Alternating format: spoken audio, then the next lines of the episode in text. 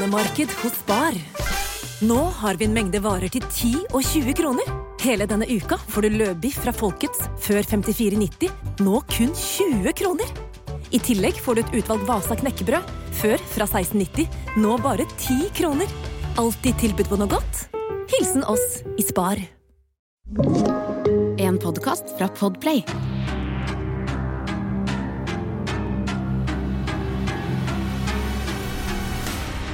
Hallo, alle sammen, og hjertelig velkommen til en helt ny episode av Forsvinningsfredag podcast. Eh, midt oppi alt dette med Johnny Depp versus Amber Heard, så skal vi faktisk i dag snakke om en annen sak. Men jeg gleder meg veldig til å lage en full oppsummering av Johnny Depp versus Amber Heard, fordi det skjer helt sykt mye i den saken om dagen. Og dersom du har lyst til å oppdatere deg mer på den saken, så kan du sjekke meg ut på YouTube, der jeg heter Sara Høydahl. På YouTube har jeg allerede laget noen videoer om Johnny Depp versus Amber Heard-saken, så de er veldig verdt å sjekke ut. Men det kommer til å komme en full oppsummering her i podden når rettssaken er ferdig. Men i dag så skal vi ta for oss en 39 år gammel cold case fra Honolulu i Hawaii Saken er fremdeles uløst og er lagt inn i historien over de mest spesielle forsvinningssakene Hawaii noensinne har hatt.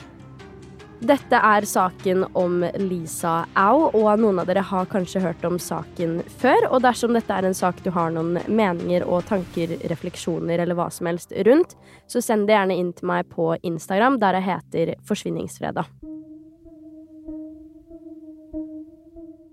La meg introdusere deg for Lisa Au. Lisa Au ble født 25.07.1962 til foreldrene Chester Dennis og Patrice.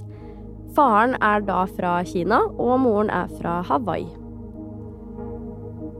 Ifølge Lisas nære var hun en veldig pliktoppfyllende, hardtarbeidende, ansvarlig og forsiktig person og var generelt veldig spent på hva fremtiden hadde i vente for henne. I januar 1982 var Lisa fremdeles 19 år. På tidspunktet så jobba hun hos en frisør på frisørsalongen Susan Beers i Kailua, og var også i et forhold på tidspunktet med en som heter Doug Holmes. Og han studerte på universitetet i Hawaii. 20.1.1982 var en veldig regnfull dag. Lisa og kjæresten hadde planlagt å spise middag sammen med søsteren hans i leiligheten hennes i Makiki. Dette hadde hun da fortalt kollegaene sine, så dette her var det flere som visste om. Dette var ikke noe som kun kjæresten, søstera og henne selv visste om. Denne kvelden var Lisa ferdig på jobb ca. klokka kvart på ti på kvelden, og dro deretter innom en butikk for å handle noen greier til den lille sammenkomsten de skulle ha i Makiki, da. Klokka blir ca. ti på halv ett på natta, og da drar både Lisa og Doug fra Makiki, hvor Doug da reiser tilbake igjen til studentboligen sin, og Lisa var da på vei hjem til Kailua. Dagen etter reagerer foreldrene til Lisa på at hun aldri kom hjem etter denne middagen. Dvs. Si at hun er blitt observert reise fra Makiki sammen med kjæresten sin, men på et eller annet vis så har hun ikke kommet hjem.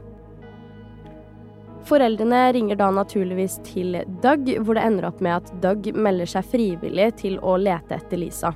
Han var da helt uviten, ifølge telefonsamtalen.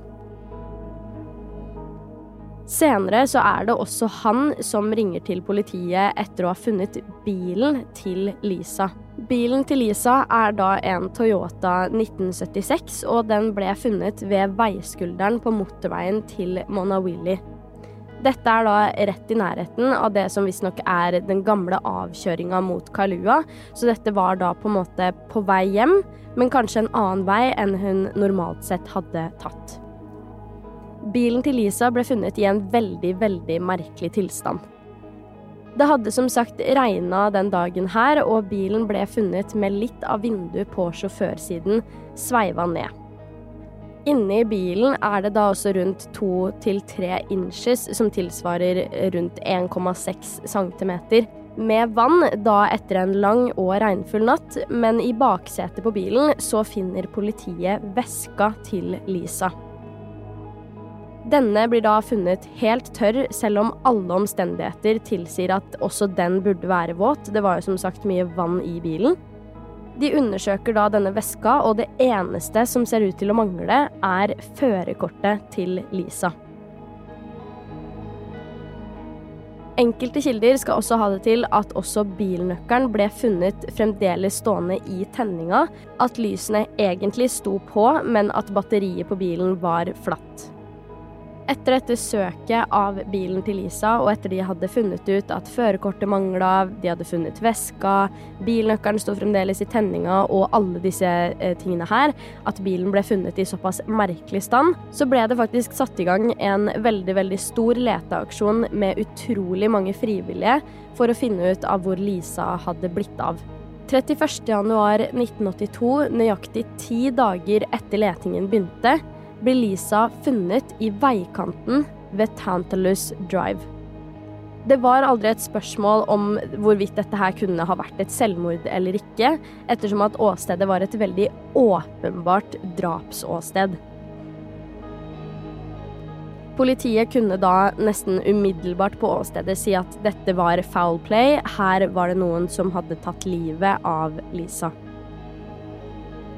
Veien Lisa ble funnet på, var også en vei som lå litt oppe i fjellet. Ikke hadde noen gatelys eller lignende, og rundt veien så var det veldig mye skog, mye trær og sånne ting. Derfor ble det også åpenbart for etterforskerne allerede innledningsvis at dette skulle bli en drapsetterforskning. Her var det ikke noe sånn forsvinningssak, dette må vi finne ut av, eh, hva kan ha skjedd og sånne ting, fordi det var såpass åpenbart at dette her var et drap. Noe veldig interessant med denne saken er at Lisa ble obdusert flere ganger. Og i enkelte saker så er det vanlig at man kan obdusere like eh, et par ganger, men her så var det på en måte unormalt mange ganger de obduserte kroppen hennes. Grunnen til det her var rett og slett fordi at patologen eh, slet med å finne ut av hva som var dødsårsaken, og det er jo ganske essensielt i en sak som denne for å kunne finne ut av hva som eventuelt har skjedd. Dødsårsaken fant de utrolig nok heller aldri ut av, til tross for at hun hadde blitt eh, obdusert flere ganger. Noe som egentlig ikke er så veldig rart, med tanke på at den døde kroppen selvfølgelig brytes ned mer og mer for hver dag som går. Det tok også litt tid før de fant liket hennes, og det igjen gjør det jo vanskeligere for patologen. Underveis i etterforskningen kommer det også nye funn i vitneforklaringen. Det viser seg at flere kvinner har blitt overfalt av en mann som fremsto som en politibetjent i en sivil politibil. Disse vitneforklaringene, sammen med tilstanden bilen til Lisa ble funnet i, åpna plutselig for at enten en politibetjent eller en falsk politibetjent kunne ha overfalt Lisa Au også. I veldig lang tid fokuserte politiet på at førerkortet til Lisa var borte fra veska hennes, mens etter hvert viste det seg at Lisa egentlig bare hadde mista førerkortet sitt i en matbutikk den samme kvelden som hun møtte Doug og søsteren, og deretter forsvant. Akkurat det gjør jo at dette her politimotivet faller litt fra, med tanke på at det var et av indisiene politiet gikk etter. Hun hadde jo som sagt mista førerkortet sitt fra før av.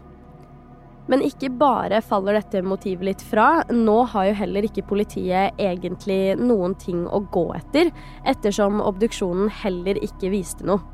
Det de nå da må basere seg på, er rett og slett vitneforklaringene, som for så vidt leder politiet i veldig mange ulike retninger. Etter hvert som tiden gikk og ingenting gikk videre i saken, så bestemte Au-familien seg for å ansette en privat etterforsker. De velger da etterforskeren Burke Cornell, som fra før av faktisk var leder for etterforskningen av saken til Lisa. Burke Cornell er faktisk også en slags helt oppi det hele. Han var nemlig personen som avdekka mange av feilene politiet gjorde under den innledende etterforskningsfasen, bl.a. hvilken info de valgte å offentliggjøre i aviser og lignende.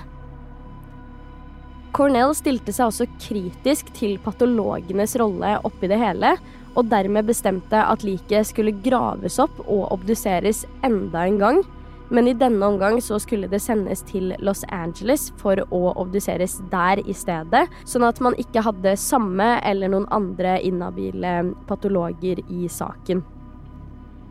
Det politiet fant ut av da de gravde opp liket, var at patologen ikke engang hadde vaska og fiksa kroppen før hun ble lagt i kista. Dette er det som skal være standard prosedyre, men det var ikke blitt gjort i denne saken. I kista var det også masse blader og lignende som absolutt ikke burde ha ligget der, Cornell mente at dersom helt grunnleggende etterforskning var blitt gjort i den saken her helt fra start, så hadde mest sannsynlig saken til Lisa vært oppklart for lenge siden. Men dessverre så var det en hel del slurvearbeid fra flere kanter i denne saken, bl.a. fra patologene sin side, men også fra politiet, spesielt i den innledende fasen av etterforskningen. Til og med en av politibetjentene i denne politiavdelinga var faktisk mistenkt i saken fordi han hadde et kriminelt rulleblad fra før av. Dette her ble selvfølgelig ikke lagt særlig vekt på offentlig, ei heller noe som ble tatt noe videre i etterforskningen. Men den største mistenkte i saken er ingen ringere enn Elisas egen kjæreste, nemlig Doug Holmes. Det er flere punkter som sikter mot han. Blant annet så ble han satt under en løgndetektor under to omstendigheter, hvor han begge gangene feila og snakka uærlig.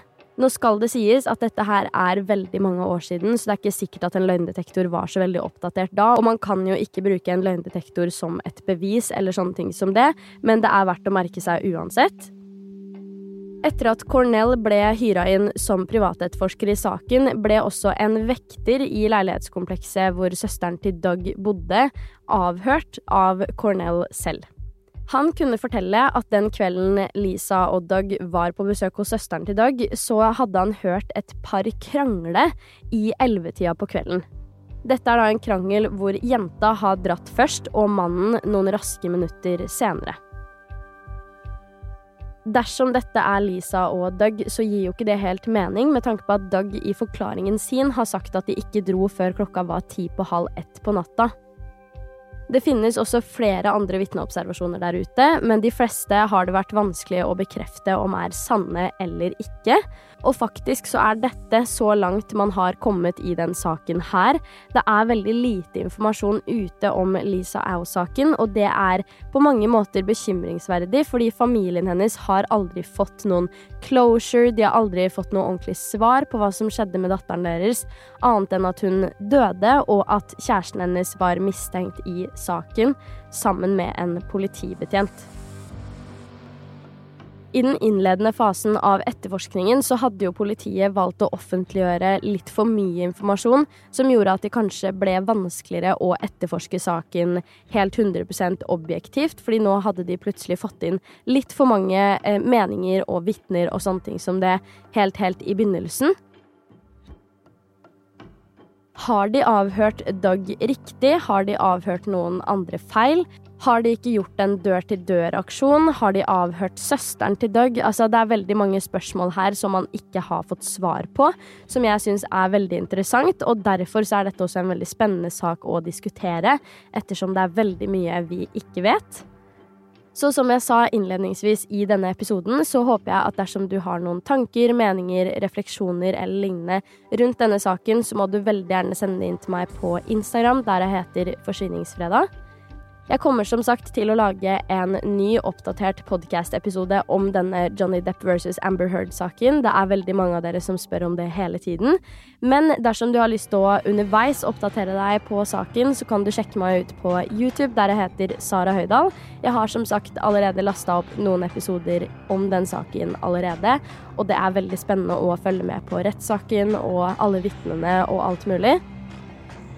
Utenom det så håper jeg at du fant denne episoden interessant, og dersom du vil sjekke ut flere true crime-saker, så kan du jo som sagt sjekke meg ut på YouTube. Uansett så kommer det en helt ny Forsyningsfredag podkast-episode allerede neste fredag, og i mellomtiden, ta vare på deg selv.